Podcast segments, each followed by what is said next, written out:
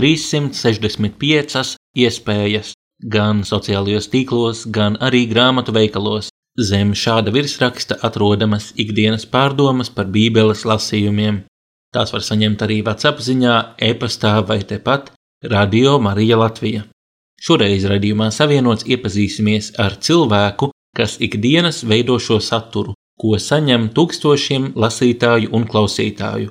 Ar jums kopā ir Augusts Kolms un raidījums Savienots. Esi savienots ar mums, Radio Marija raidījumā Savienots. Raidījums sadarbībā ar Kristīgo portālu Tuvumā.CLV. Uzklausām, vērtējam, izpētām un iesakām. Trešdienās, pulksten piecos pēcpusdienā. Esi savienots!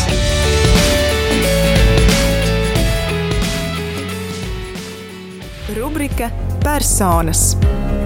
Ar tevi raidījums Savienots. Šodien raidījumā Savienots kopā ar mani Augustu Kolmu ir Munise Lamberte, kas veido projektu 365 iespējas, pārdomas un iedrošinājumi katrai dienai. Ņemot vērā situāciju valstī, šī intervija notiek attālināti ar tehnisko līdzekļu palīdzību. Labvakar, Munise! Labvakar, August! Pastāstiet, varbūt tiem nedaudzajiem, kuri nav nelasījuši grāmatu, ne bijuši WhatsApp grupās, ne Facebookā redzējuši, kas ir 365 iespējas. Labdien, vai labvakar, jau jāsaka, mīļie klausītāji. Es priecājos būt jūsu vidū. 365 iespējas, tās ir ikdienas pārdomas, iedrošinājumi, tie ir Bībeles panti, kādi citāti un kāds pārdomu teksts, kas tiek izsūtīts cilvēkiem katru dienu. Tas tiek saņemts no rītiem, vai arī, kā jau augusts jūs teicāt, tie tiek apkopoti grāmatās, šīs pārdomas vai šīs rakstītās ziņas, un tas tiek publicēts arī Facebookā, WhatsApp grupās un arī Instagramā ir pieejams. Un kā jūs nonācāt līdz šādam projektam, līdz kalpošanai tādā ļoti īpašā veidā? Tas nav tā tipiskā lieta, ko parastais kristietis ikdienā dara. Tas noteikti prasa ļoti daudz laika, ļoti daudz resursu, lai liktu tam notikt. Mēs kristīgajā mēdījā tuvumā LV ieguldam arī daudz laika, lai mums būtu materiāls, ko publicēt, lai tas laikā nonāktu sociālajos tīklos. Kā jūs līdz tam tikāt?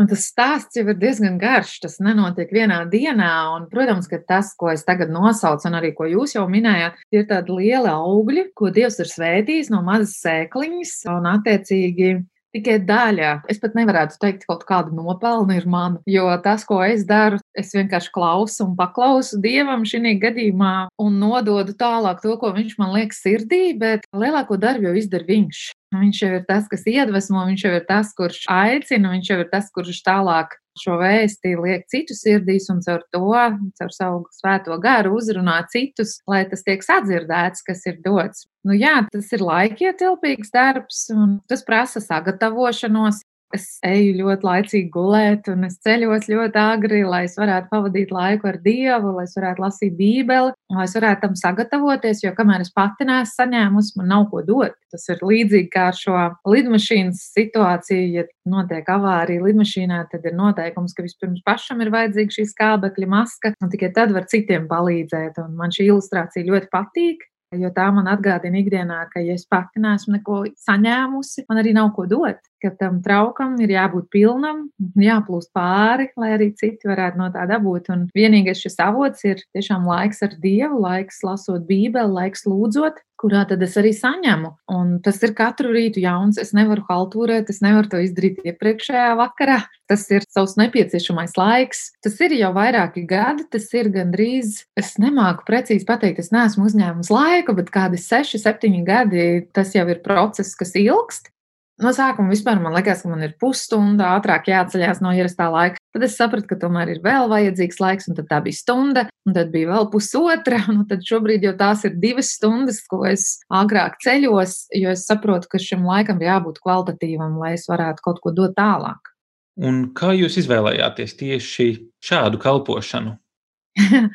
nu, es īstenībā viņu neizvēlējos. Es tieši šodien arī par to runāju ar kādu mīļu draugu, ka pirmos gadus patiesībā es pat nenojautu, ka tas ir aicinājums. Es to vienkārši darīju. Un tad bija jānāk kādiem draugiem, kur arī teica, pagaidi, bet tas taču ir aicinājums no Dieva. Jo arī rakstot un arī sūtot šīs ziņas, man aizvien sirdī bija jautājums, Dievs, nu kas tad tas ir, ko tu vēlies, lai es daru? Nu, kas ir aicinājums manā dzīvē? Kas ir tas uzdevums? Un cik interesanti, ka bieži vien mēs jau darām to, uz ko viņš aicina, bet mēs turpinām domāt, ka tas nav tas īstais, ka ir kaut kam vēl jābūt, vai arī nu, aicinājums iespējams ir kaut kas vairāk nekā es spēju tagad darīt.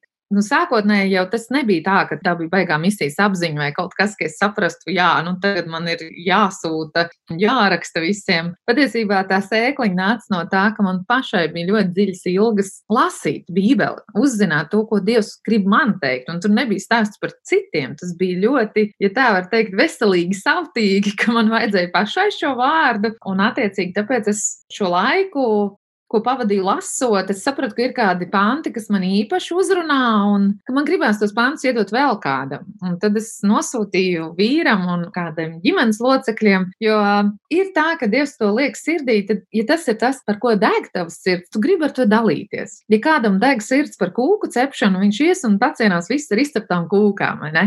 Un šī gadījumā man šī doma dot tālāk bija tik dzīva, ka ārkārtīgi gribējās dalīties.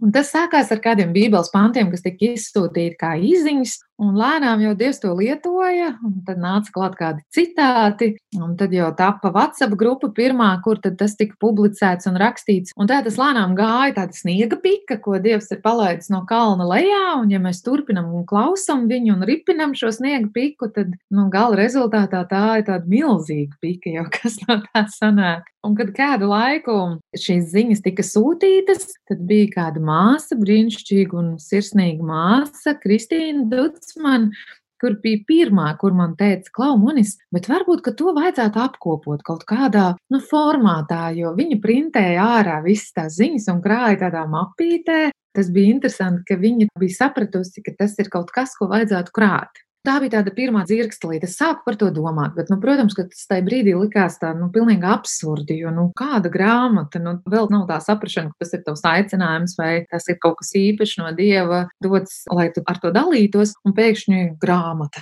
īsti nelikās tā loģiski tas uzreiz. Pēc šīs māsas nāca vēl kādi cilvēki, kas arī turpināja to teikt, un tad jau tā doma palika tāda dzīvāka. Es par to lūdzu Dievu un domāju, nu, ok, Dievs, nu, ja tas ir tavs prāts, ka tam tā ir jābūt, nu, tu jau zini, ka es neko daudz no tā nesaprotu, un es nekad neesmu rakstījis grāmatu, un es pat nezinu, cik tas maksā. Man nav ne jausmas, ko tas nozīmē. Bet nu, tas ir tas, ko tu man esi devis, un ja tu vēlēsies to pavērot, ja tu vēlēsies, ka tas tiek tālāk dots, nu, tad palīdzi to sakārtot. Tad nāca vēl kāda cilvēka, kas teica, ka vajadzētu apkopot grāmatās, un tā tas turpinājās. Līdz mūsu draugs mācītājs Edgars Mažis vienā, tā bija pirmā adventa, sirdstirdziņa laikā man arī teica, ka vajag šo grāmatu. Viņš saka, Munis, vajag grāmatu.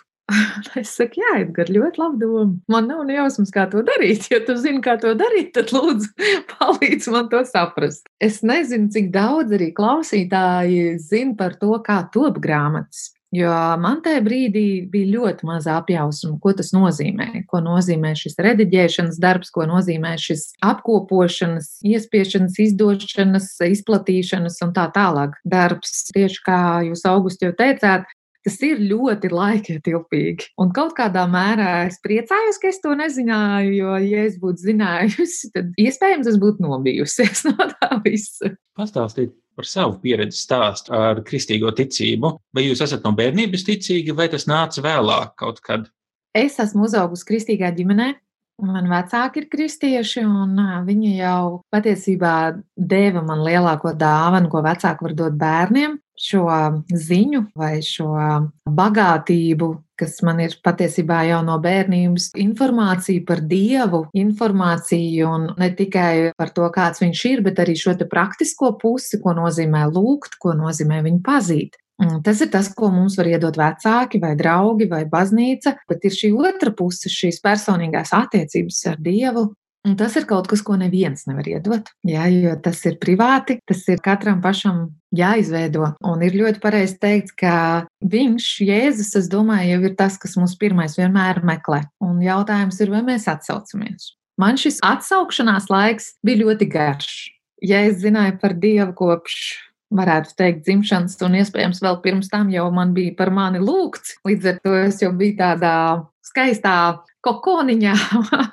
Tad tās personīgās attiecības, jā, tas jau bija mans ceļš līdz tām, un tas bija ļoti garš ceļš. Un jāsaka, patiesībā tikai pateicoties tam, ka šīs attiecības tapa, ja pareizāk sakot, tam, ka es beidzot padevos dievam un ļāvu viņam sākt manā dzīvē parādīties reālam, varēja tapt šīs pirmās ziņas, kas tiks sūtītas. Jo tikai pēc šīs personīgās sastapšanās es izjūtu šo milzīgo vēlmi lasīt, dalīties ar to, ko es izlasīju, rakstīt un stāstīt par Dievu. Līdz tam, neskatoties to, ka es arī darbojos dažādās draudzes kalpošanās un visur, tas bija vairāk formāli. Tas, protams, tika darīts no sirds, bet no sirds mēs varam ļoti daudz ko darīt bez šīm personīgām attiecībām. Es tiešām daudz kalpošanās esmu bijusi. Pašā sākumā tās bija svētdienas skolas, tad bija kādi jaunieši, tad tas ir bijuši vecie ļaudis, kuriem ir bijusi kalpošana, tad ir draudzē bijusi kafēnīca, kurā es esmu darbojusies, un tad ir bijusi šī bērnam kalpošana, kas ir bijusi daudzus gadus, un tā ir bijusi fantastiska, vai kalpošana bāraņiem katru otro svētdienu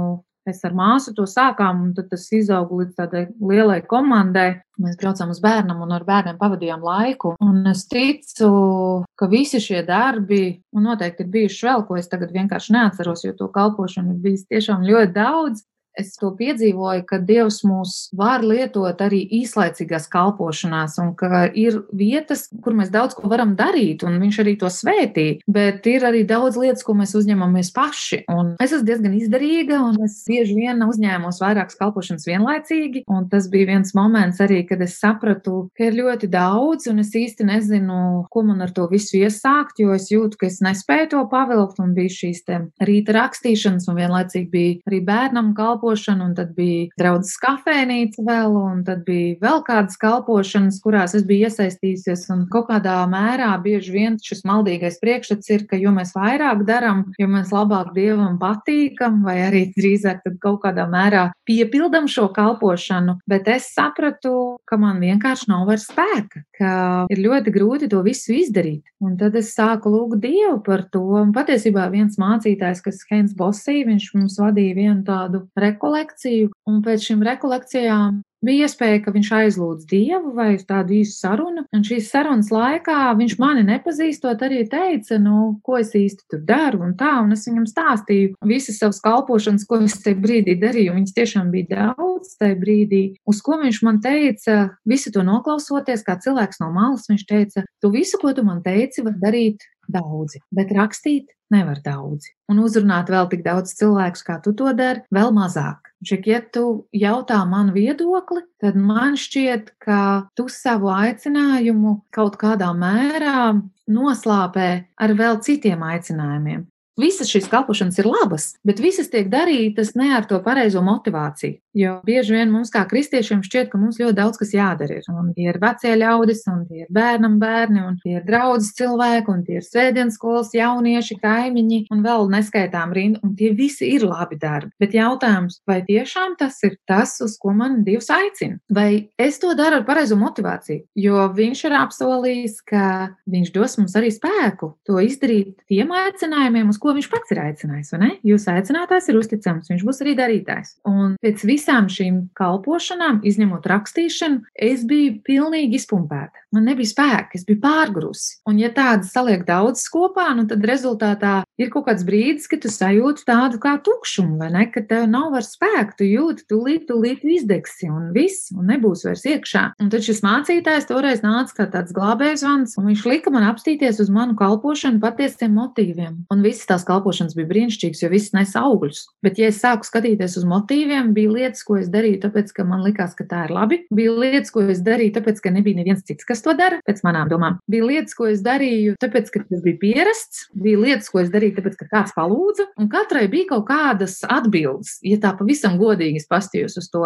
Vienīgais, ko es patiešām varēju saprast, ka tas ir tikai tāpēc, ka es to vēlos un es jūtu, ka tas ir tas Dieva pamudinājums, bija šī rakstīšana. Un uh, kaut kādā mērā mēs bieži vien sevi apkraujam ar pilnīgi nevajadzīgu slodzi, daudz lietas darot ar nepareizo mērķi. Tas nenozīmē, ka nav jākalpo, un tas nenozīmē, ka mēs nevaram kaut kur citur būt īstermiņā, jo, piemēram, man ārkārtīgi mīļš ir alfa kursi, un es arī esmu vadījis vairākas grupiņas, un tas ir kaut kas fantastisks. Bet es esmu sapratusi, ka es, piemēram, nevarētu to darīt non-stopā katru nedēļu, vairāku gadu garumā, ka tas arī ir kaut kāds projektu tipu darbs, ko var darīt.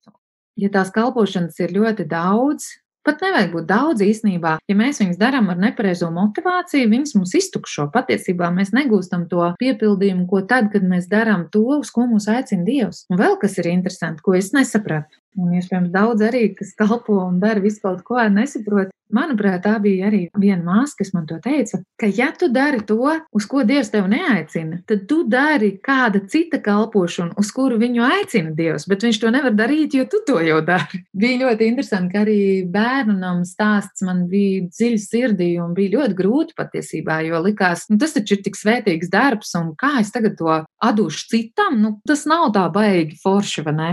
Bet es mācījos par to lūgt, un es lūdzu, un tad ienāca otra galējība. Tad man likās tā, nu, ja es par to lūdzu, tad dievam tūlīt ir jāatrasina, ir jādod jauns vadītājs. Un tas nenotika tā. Es pusgadu lūdzu par to, līdz dievs man liks sirdī cilvēku, kur uzrunāt, kurš varētu būt vai pārņemt šo kalpošanu. Un patiesībā bija tik brīnišķīgi ieraudzīt, ka šis cilvēks, kurus uzrunāju, uz to atsaucās, un ka redzot, kā viņš to organizē, es varu vien brīnīties, jo es nekad tā nespētu. Un tas, kā viņš to dara, manā skatījumā, ir daudzreiz kvalitatīvāk, daudzreiz skaistāk, fantastiski. Un tu skaties un domā, jā, un tu visu laiku domā, vai, vai kas notiks, kā tas notiks. Tu tagad to nedarīsi, un neviens jau cits ar to nedarīs. Bet mums pat neienāk prātā, ka tas, kuru Dievs uz to aicina, to arī izdarīs labāk, jo tas ir viņa aicinājums. Jo Dievs jau var sētīt arī mūsu nepareizās izvēles. Tas ir pilnīgi normāli. Man šos gadus, kamēr es kalpoju entajās kalpošanās, arī Dievs svētīja. Rezultāti jau bija. Bet es baigi iztukšojos, un es sapratu, ka es tā ilgi nevarēšu. Un tad es sapratu, ka šī rakstīšana ir vienīgais, kas mani nevis iztukšo, bet piepilda. Un tas ir tas fenomens. Jā, tas prasa no manis laiku, resursus, un es varbūt neizguļos tik labi, kā gribētos, bet es nejūtos nogurusi no tā. Jo tas, kas rada šo sajūtu, ka tev pašam par to ir prieks, tas nenogurdina. Un bieži vien tā ir, man liekas, pagaidi, nu es jau to zinu. Tā jau ir. Un tad nāk šis otrs variants, kur es saku, tie ir tādi ritīgi, riebīgi vēlnu meli, kas liek domāt, ja nav perfekti, tad nedara. Citi dara labāk nekā es. Noteikti šis nav tas pats labākais, kas man ir sanācis, vai vispār ir jēga to darīt, vai kādam tas noder. Un visi šie meli, ja mēs viņos ieklausāmies, kas bieži vien tieši no tā īstā aicinājuma mūs visvairāk attur. Jo vēlnam jau ir šis mērķis, lai mēs izdegtu darot ne to, uz ko Dievs mūs aicina, bet neiesaistītos tajā, kas ir tas mūsu aicinājums. Jo viņš jau zina, ka ja mēs sāksim to darīt, tad liels lietas notiks. Ne? Un tas nav tikai stāsts par to, ka tur daudz sadzird vai ko vairāk, jo tas stāsts par mani, ko Dievs manī maina. Jo tad, kad tu redzi, ka tas strādā, ka tu vari ar Dievu kopā tiešām izdarīt lietas, tas ļauj tev sākt viņam aizvien vairāk uzticēties. Bet vēlme jau vēlme ir padarīt mūs tādus nekādus. Mēs neko nevaram, neko īsti nespējam, neko nemākam, nekam nedaram, un nekādā gadījumā ar Dievu neko nespējam kopā. Un tad šī ticība Dievam mums arī mazinās un uzticība. Bet tad, kad mēs vairāk saņemamies un tomēr neklausāmies tās malos un uzticamies tam, ko Dievs ir apsolījis, tad redzam, ka tas tiešām viņa vārds piepildās, tas jau to mūsu ticību pirmām kārtām audzē. Un tas jau tas, tas pats vērtīgākais, ko mēs iegūstam. Un tad praktiskais jautājums šeit būtu, kā atpazīt dieva aicinājumu savā dzīvē? Man nav tāda galvenā formula. Es varu tikai pastāstīt, kā man tas bija. Tas pirmais bija šis praktiskais, ka man šis mācītājs aicināja saprast šos motīvus, kāpēc es to daru. Un iespējams, tas arī ir tas pirmais, ko mēs varam tīri praktiski darīt. Un tad otrs ir, patiesībā šo domu man pateica Pāvils Brūvers, un man viņa ļoti patīk, kā mācītāji kā saprot, ka Dievs viņus aicina par mācītājiem. Šis aicinājums ir tavā sirdī, tad Dievs vispirms tevi uzrunā, Pēc tam ir kādi cilvēki, kas no malas tev arī to pasaka, nezinot, ka tavā sirdī tāds aicinājums jau ir. Un tad ir apstākļi, vai vieta, vai situācija, kur tas ir nepieciešams. Tie ir tādi trīs praktiskie kriteriji, kas būtu no praktiskās puses, bet neviens no tiem nestrādās, ja mēs par to nelūksim. Pirmkārt, tā ir lūkšana, kurā mēs esam un lūdzam, lai Dievs to atklāj. Un tad šīs ir kaut kādas praktiskās puses, kad mēs izvērtējam to motivāciju, kāpēc mēs kaut ko darām, un šo aicinājumu, vai tas ir manā sirdī, vai tas saskan ar to, kas notiek apkārt.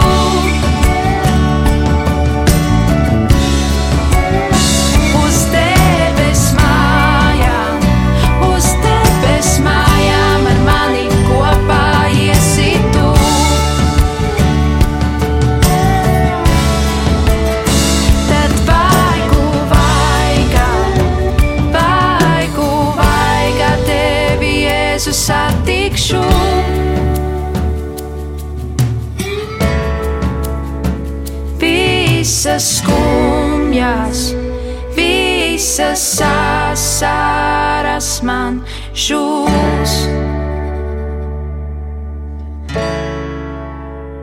Visas skumjas, visas asaras man žūs.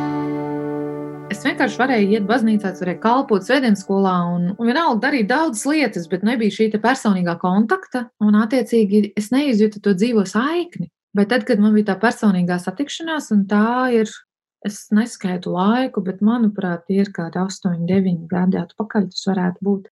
Kad es patiesi dziļi un patiesi sajūtu, ka Jēzus ir kaut kas reāls. Tā nav ticība, kurā es esmu uzaugusi, tā nav informācija, kuras dzirdu, bet tas ir reāli persona, kuras var personīgi iepazīt. Un tas ļoti daudz ko maina. Un tas mainīja arī mani, un tas mainīja arī to, ka es vēlējos to vārdu, ko es lasīju, tas ziņas, ko Dievs man sirdī liek, un to visu salikt un dalīt tālāk cilvēkiem. Es zināju, ka nu, Dievs ar to ir uzrunājis mani. Nu, kāpēc tad, lai viņš neuzrunātu vēl kādu, vai ne? Un to darot, protams, lūdzot par to, lai svētais gars ir tas, kas nes to tālāk. Tā tas arī tikai varēja tapt. Un, jā, nu es sāku teikt par to grāmatu, ka tas bija tas aicinājums, bet tas jau nebija tik vienkārši. Viens ir šis darbs, un otrs ir finanses, jo katru grāmatu izdot ir nepieciešams finanses. Un tad šīm finansēm arī kaut kur ir jānāk, vai ne? Un esot visā tajā procesā iekšā, ir ļoti interesanti pieredzēt to cilvēcīgo faktoru ar to dievišķo. Nu, cik ļoti tad ir iespējams saprast, ka dieva domas ļoti bieži atšķirās no mūsu domām un viņa plāni no mūsu plāniem. Jo mans plāns bija praktisks. Tad, tad man bija šīs grupas, kuras saņēma ziņas, un tās jau bija daudz, un tie jau bija daudz cilvēki. Un tīri praktiski saprotot, jā, ka šis aicinājums rakstīt grāmatu nāk no dieva, ka tas ir cilvēku arī izteikts, un tas saskan ar to, kas ir manā sirdī. Tad, ir šī vajadzība, ir šis aicinājums. Es biju plānojis uzrakstīt katram lasītājam tādu mazu ziņu, ar lūgumu ziedot kādu noteiktu naudas summu, kas ir viņa sirdī, lai varētu šo grāmatu izdot, un tad piedāvāt šo priekšpasūtījumu vai preorderi, ka viņi varētu iegādāties vai lētāk dabūt nekā grāmatnīcā. Nu, tāds bija mans plāns. Es to pastāstīju mācītājiem, uz ko viņš man teica, katram mums Dievs ir devis savu kalpošanu. Kādam tā ir rakstīšana, kādam tā ir runāšana, kādam tā ir darīšana un kādam tā ir kalpošana ar finansēm. Priekš manis tas bija tāds grūti saprotams kalpošanas veids. Jo viss jau ir kārtībā. Mēs jau zinām, ka dievam ir jādod nauda un viss ir labi. Bet parasti jau tas asociējas ar to, kuriem iet ļoti grūti, vai ne? Kuriem vajag ēst, vai kuriem ir kādas problēmas, lai mēs ar šīm finansēm tās atrisinātu. Es sevi tādā kategorijā neierindoju, jo, nu, protams, ka mēs vienmēr gribam par sevi domāt labāk. Un kaut kā ir šī sajūta, ka, nu, kā tu tā, nu, citiem droši vien vairāk vajag. Nu, kā tu tagad kaut kādu naudu tur meklēsi vai lūgs? Nu, taču cilvēkiem vajag ēst vai ko, nu, tā taču ir grāmata, nu, nekas tik svarīgs un tā. Un tās ir mūsu domas. Un ir jauki, ja dievam ir citas domas. Un šī gadījumā es ļoti priecājos, ka viņam bija citas domas nekā man. Un Edgars Mašs mācīties, viņš saka, zini, man ir viens cilvēks, kurš gribētu atbalstīt kādu kristīgu projektu Latvijā. Nu, paņem un uzraksti viņam. Un tas ir pilnīgi svešs cilvēks. Man nav nekāda pieredze līdz tam bijusi ar grāmatu rakstīšanā. Es absolūti nezinu, vai tā grāmata vispār būs. Man nav ne jausmas, kā tas izskatīsies, vai kur viņa tiks tirgota, un vai kāds viņu vispār pirks, un vai vispār kaut kas sanāks. Un šo visu man ir jāsaliek tādā loģiskā projektā, vai vismaz aprakstā, un jānosūta šim potenciālam ziedotājam. Nu, pilnīgi nereāli. tu, tu tagad apzinājies, ka diezgan, ja tādā biznesa skatījumā vai pasaulīgā skatījumā, cilvēcīgi skatoties, tev nav nekā, ko piedāvāt, lai šis projekts tiktu finansēts. Tev nav nekā loģiska, un tur tādā nav nekāda garantija. Jo parasti, ja mēs gatavojam kādu projektu, tad mums ir jāpārliecina šis projekta atbalstītājs par rezultātiem, kas nāks. Un man jau nav nekā. Un tā es arī rakstu šo vēstuli un lūdzu šim iespējamam ziedotājam vienkārši lūgt Dievu un saprast, vai tas ir tas, kas viņam jādara vai nav jādara. Un nosūt šo vēstuli, es gaidu šo atbildi, un es atbildi nesagaidu nedēļu, nesagaidu divas, trīs un četras. Un es atkal saprotu, ka man jāņem viss ir savās rokās un jādara, jo Dievs redz kavējās. Dievs nedara tās lietas tā, kā man vajag. Nu, un es esmu atkal sagatavojis šo izziņu, ko sūtīt visiem ikrītas ziņu saņēmējiem, bet iekšā ir tāda balss, kas saka, aizsūti vēlreiz. Iedomājieties, cik viegli latvietim, ja es esmu latvieta, ar visu mentalitāti, ka mēs ļoti kautrējamies kādam kaut ko lūgt, mēs esam kaut kādā ziņā lepna tauta. Uzrakstīt vēlreiz, ja atbilde nav bijusi. Un tas taču ir skaidrs, ja nav atbilde, tā tad nē, vai ne? Tāda ir tā mūsu domāšana. Un tagad uzrakstīt vēlreiz un prasīt vēlreiz, nu, tas jau ir pāri jebkuram. Bet tā balss sirdī neatstājas. Viņa ir klusa, bet viņa ir tāda, kas liek paklausīt. Un es saņemos un nolieku visu kaunu pie malas un uzrakstu ar atvainošanos, ka es neesmu saņēmuši šo ziņu un atbildi, vai būtu iespējams, ka nu, vismaz man pasaka, jā vai nē.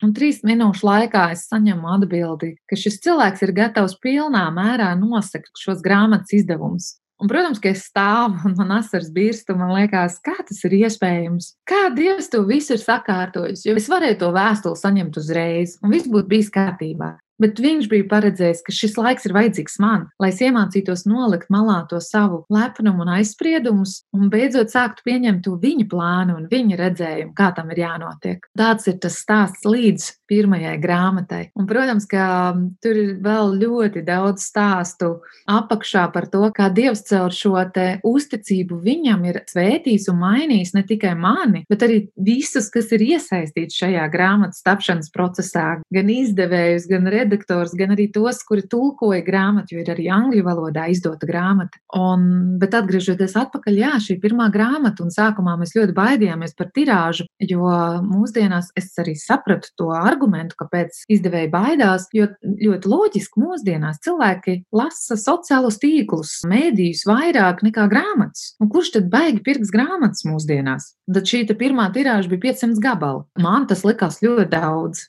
Kad tas tika pāris nedēļās pārdots, mēs sapratām, ka tas galīgi nav daudz. Un tas bija vēl viens brīnums, jo brīdī, kad mēs izdevām, mēs domājam, nu jā, nu, uz kādiem pāris gadiem būs labi, un gan jau izpirksts. Nu, kaut kādā veidā jau tāda, un tāda bija tā mūsu doma. Bet Dievam bija pilnīgi cits plāns. Viņš redzēja, kā to var lietot. Un jā, tā pirmā grāmata ātri tika pie otras tirāžas. Un paralēli pirmās grāmatas atklāšanā. Es tagad neatceros, kurš bija tas, kurš teica, jo pirmo grāmatu atklāja pirmajā adventē ar ļoti skaistu pasākumu, kurā bija aicināts jebkurš, kurš vēlējās piedalīties. Un Es zinu, ka man vīrs to teica arī, bet bija vēl kāds, kas to teica. Nu, ja jau ir pirmā grāmata, gan jau būs otrā. Un tajā brīdī man tas likās absolūti neiespējami. Es neticu vēl aizvien pirmajai grāmatai, kāda otrā, par ko vispār ir runa. Kad pēc gada, pirmajā adventē, mēs svinējām otrās grāmatas iznākšanu, tad jau tas palika smieklīgi mazliet, jo kāds jau atkal teica, gan jau būs arī trešā grāmata. Un tad nākamā gadā tapa šis angļu valodas tulkojums pirmajai grāmatai,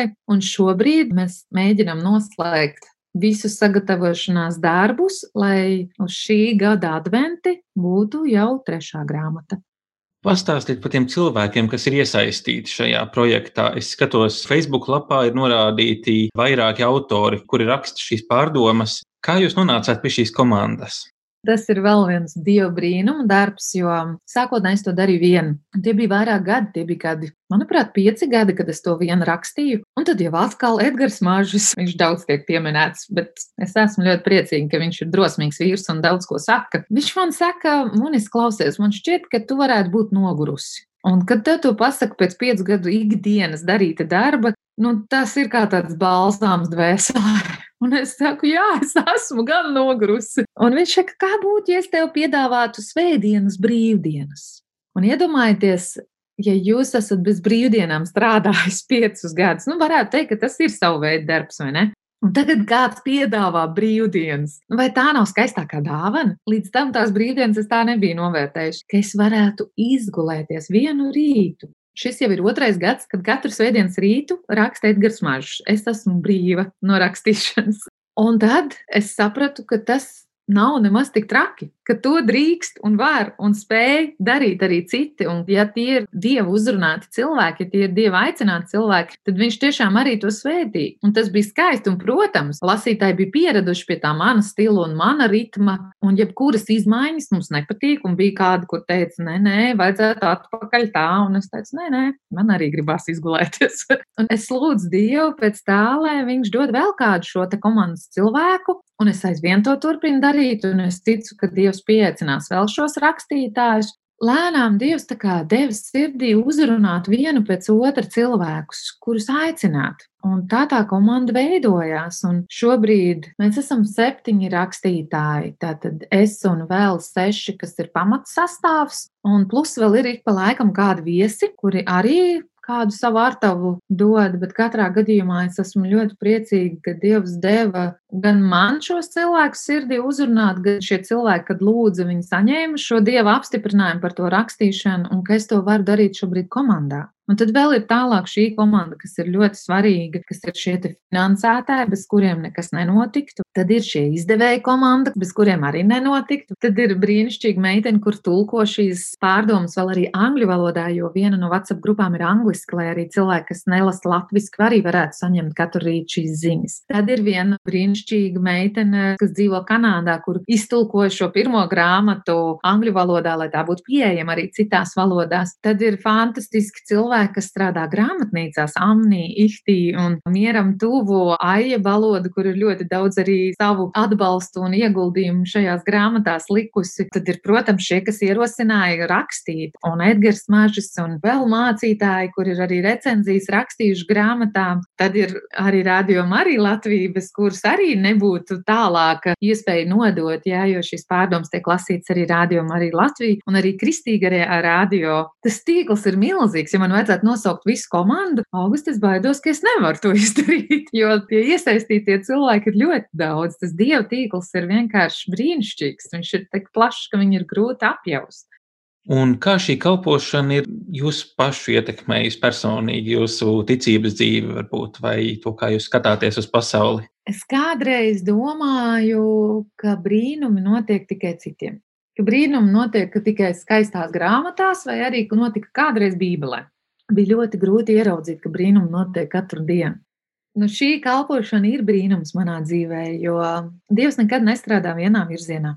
Viņš vienmēr caur to, ka mēs paklausām un dodam, svētī arī mūsu, un mēs saņemam daudz vairāk atpakaļ nekā mēs patiesībā esam devuši. Un skatoties, kā tas tīkls ir aizgājis, man to gribās salīdzināt. Ir tāda krievu, es neteiktu, ka pārāk veiksmīga filma, bet ideja ļoti laba. Saucās Jolki. Nāk tagad jaunais gads, droši vien viņi atkal parādīsies televīzijā. Un tur ir viena ļoti laba doma. Tur ir šis tīkls parādīts, kā mēs cilvēki savstarpēji esam saistīti. Man gribās teikt, ka tas ir tāds dieva tīkls patiesībā, ko mums ir brīžiem grūti aptvert, bet kā viņš caur Jēzu mūs spēja visu sasaistīt. Gan šī komanda, kas nu ir tik plaša, ka es nezinu, jo es pat nenosaucu tos cilvēkus, kas šīs ziņas pārsūta tālāk saviem draugiem, un viņi atkal tālāk saviem draugiem. Un tas ir šis tīkls, ko Dievs vienkārši svētīja un izplata, un man tas nozīmē redzēt šo brīnumu katru dienu. Aizvien, kad es dzirdu, ka kāds man nosauc par rakstnieci, man ir jāsmaida, jo es sev par tādu neuzskatu. Aizvien, ka kāds stāsta par to, cik īpaši viņi ir uzrunājis kaut kas no rakstītā,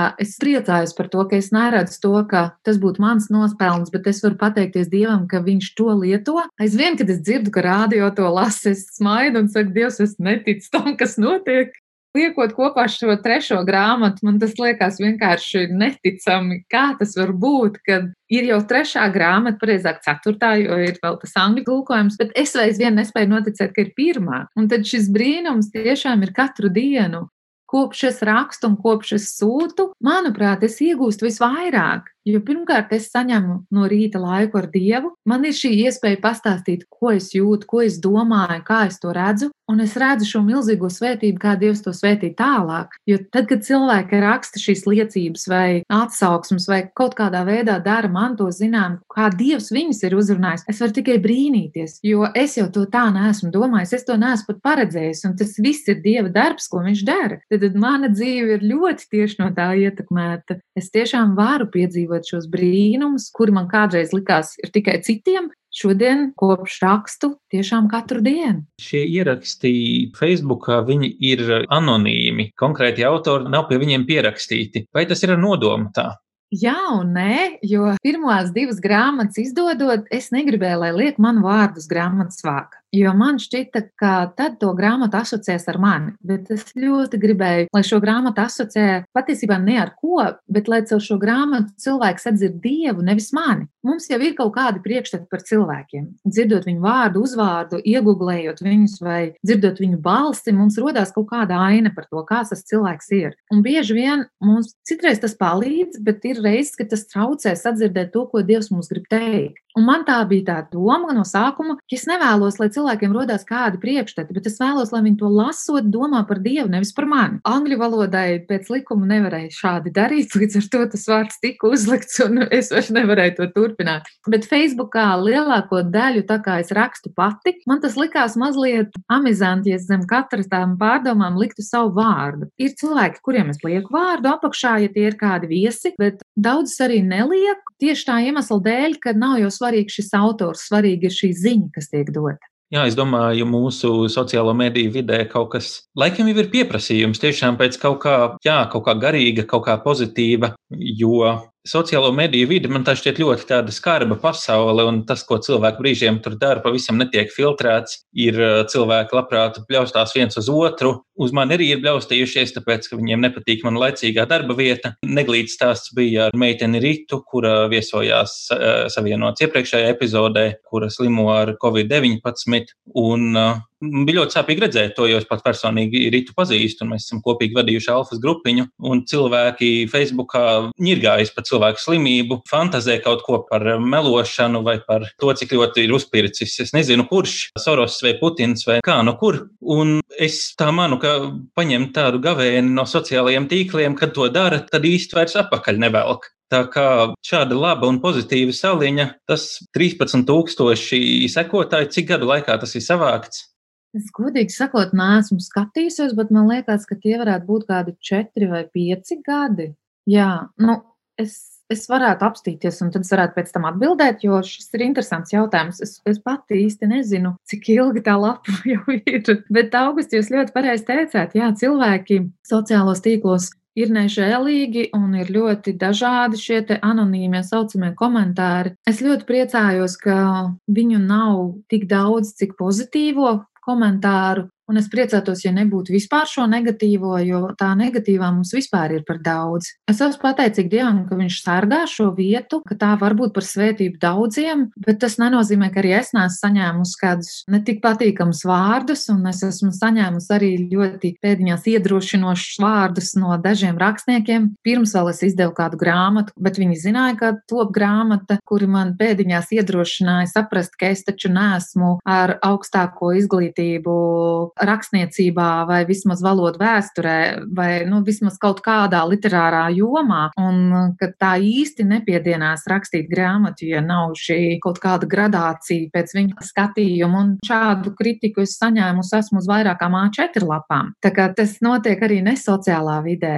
bet Es abrīnoju cilvēkus, kuri atrod laiku kritizēt. Es abrīnoju cilvēkus, kuriem laiks nenozīmē neko, ja viņi spēj to veltīt kaut kam nejaukam, otra cilvēka kaut kādā mērā pazemošanai vai kāda negatīva viedokļa izteikšanai, jo tas prasa laiku. Un tajā pat laikā viņi neatrod laiku, lai otru uzslavētu, iedrošinātu un celtu. Bet ja mēs šo negatīvi izlietoto laiku pamēģinātu pagriezt mazliet savādāk un tā vietā, lai kādam pateiktu, kas tev ir uzspirts, vai es tev neticu, kā jūs teicāt, pateiktu, veseļojies, lai Dievs tev palīdz ātrāk tikt uz kājām, vai paldies par to laiku, ko tu veltīji, neskatoties, ka tu biji slima, vai jebkuru iedrošinošu vārdu, kas to cilvēku celtu, cik daudz vairāk laba mēs nestu, un vai tā vide mums pašiem nepaliktu patīkamāk. Es domāju, kā jūs minējat, šis gavēnis no sociālajiem tīkliem ir brīnišķīgi, ja to var ieturēt, bet šajā Covid laikā, manuprāt, tas ir ārkārtīgi grūti,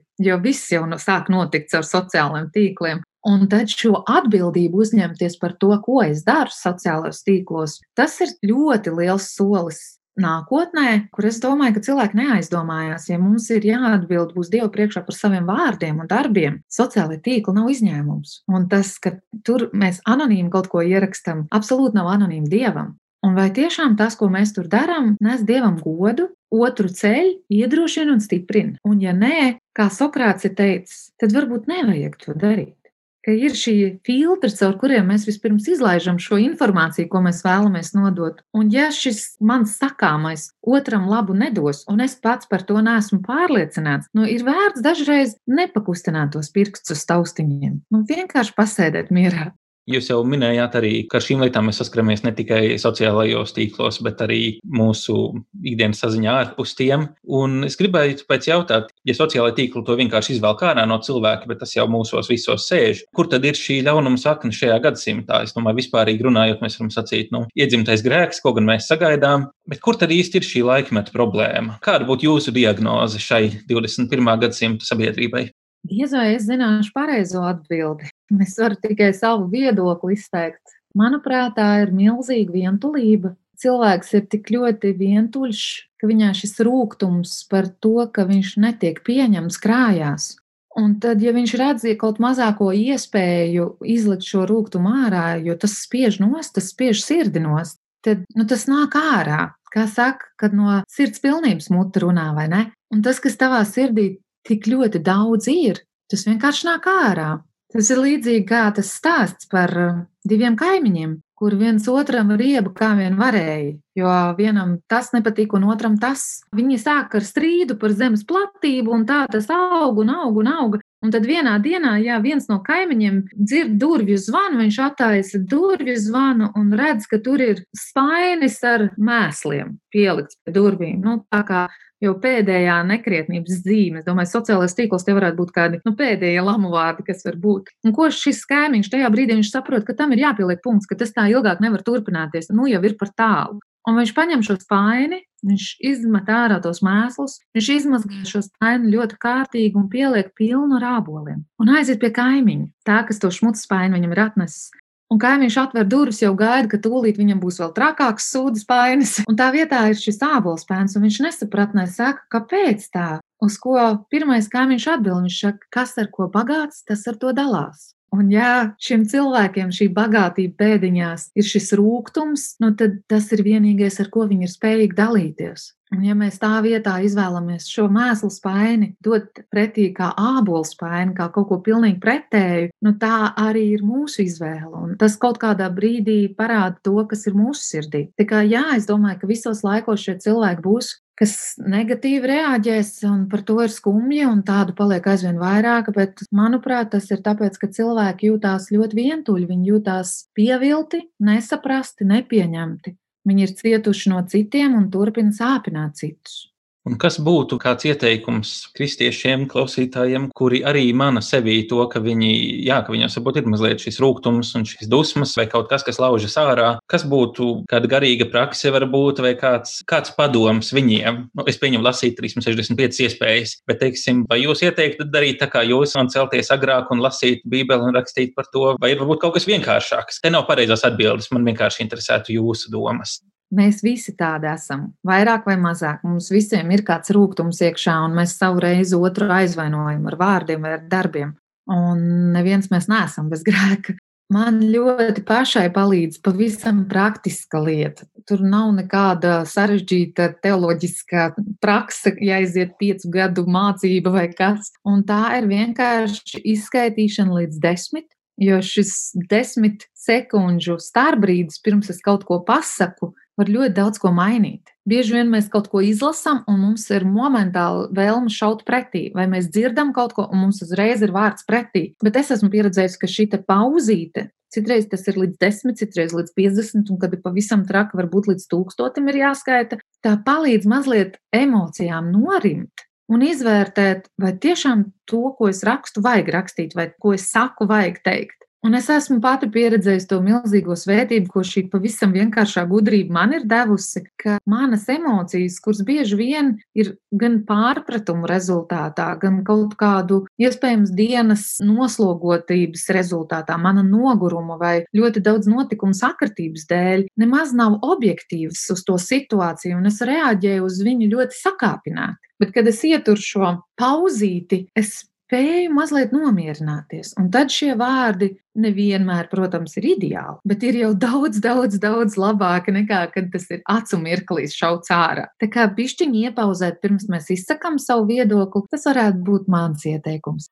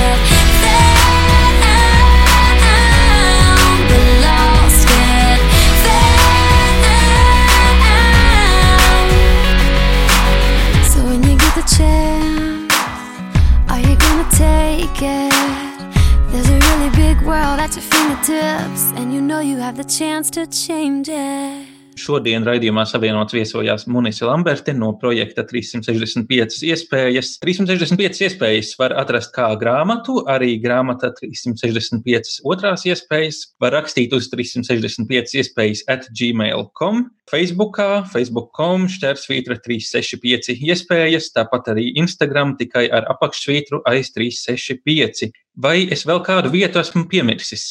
Grāmatnīcās var iegādāties arī grāmatu, jā, un Vācijā var saņemt šīs ziņas. Tā kā, ja tā ir vēlme kādam, droši uz to var pieteikties, gan rakstot Facebookā, gan arī, kā jau augusti jūs minējāt, uz Gmail adresi. Tad paldies par jūsu laiku un jauku vakariņu! Paldies, un paldies klausītājiem, ka klausījāties. Man tiešām bija prieks ar jums būt kopā.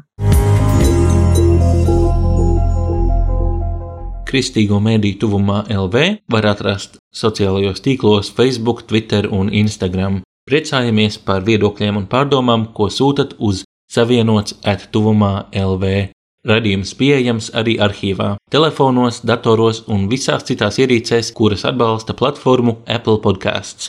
Es esmu Augusts Kolums, un šis bija Savienots.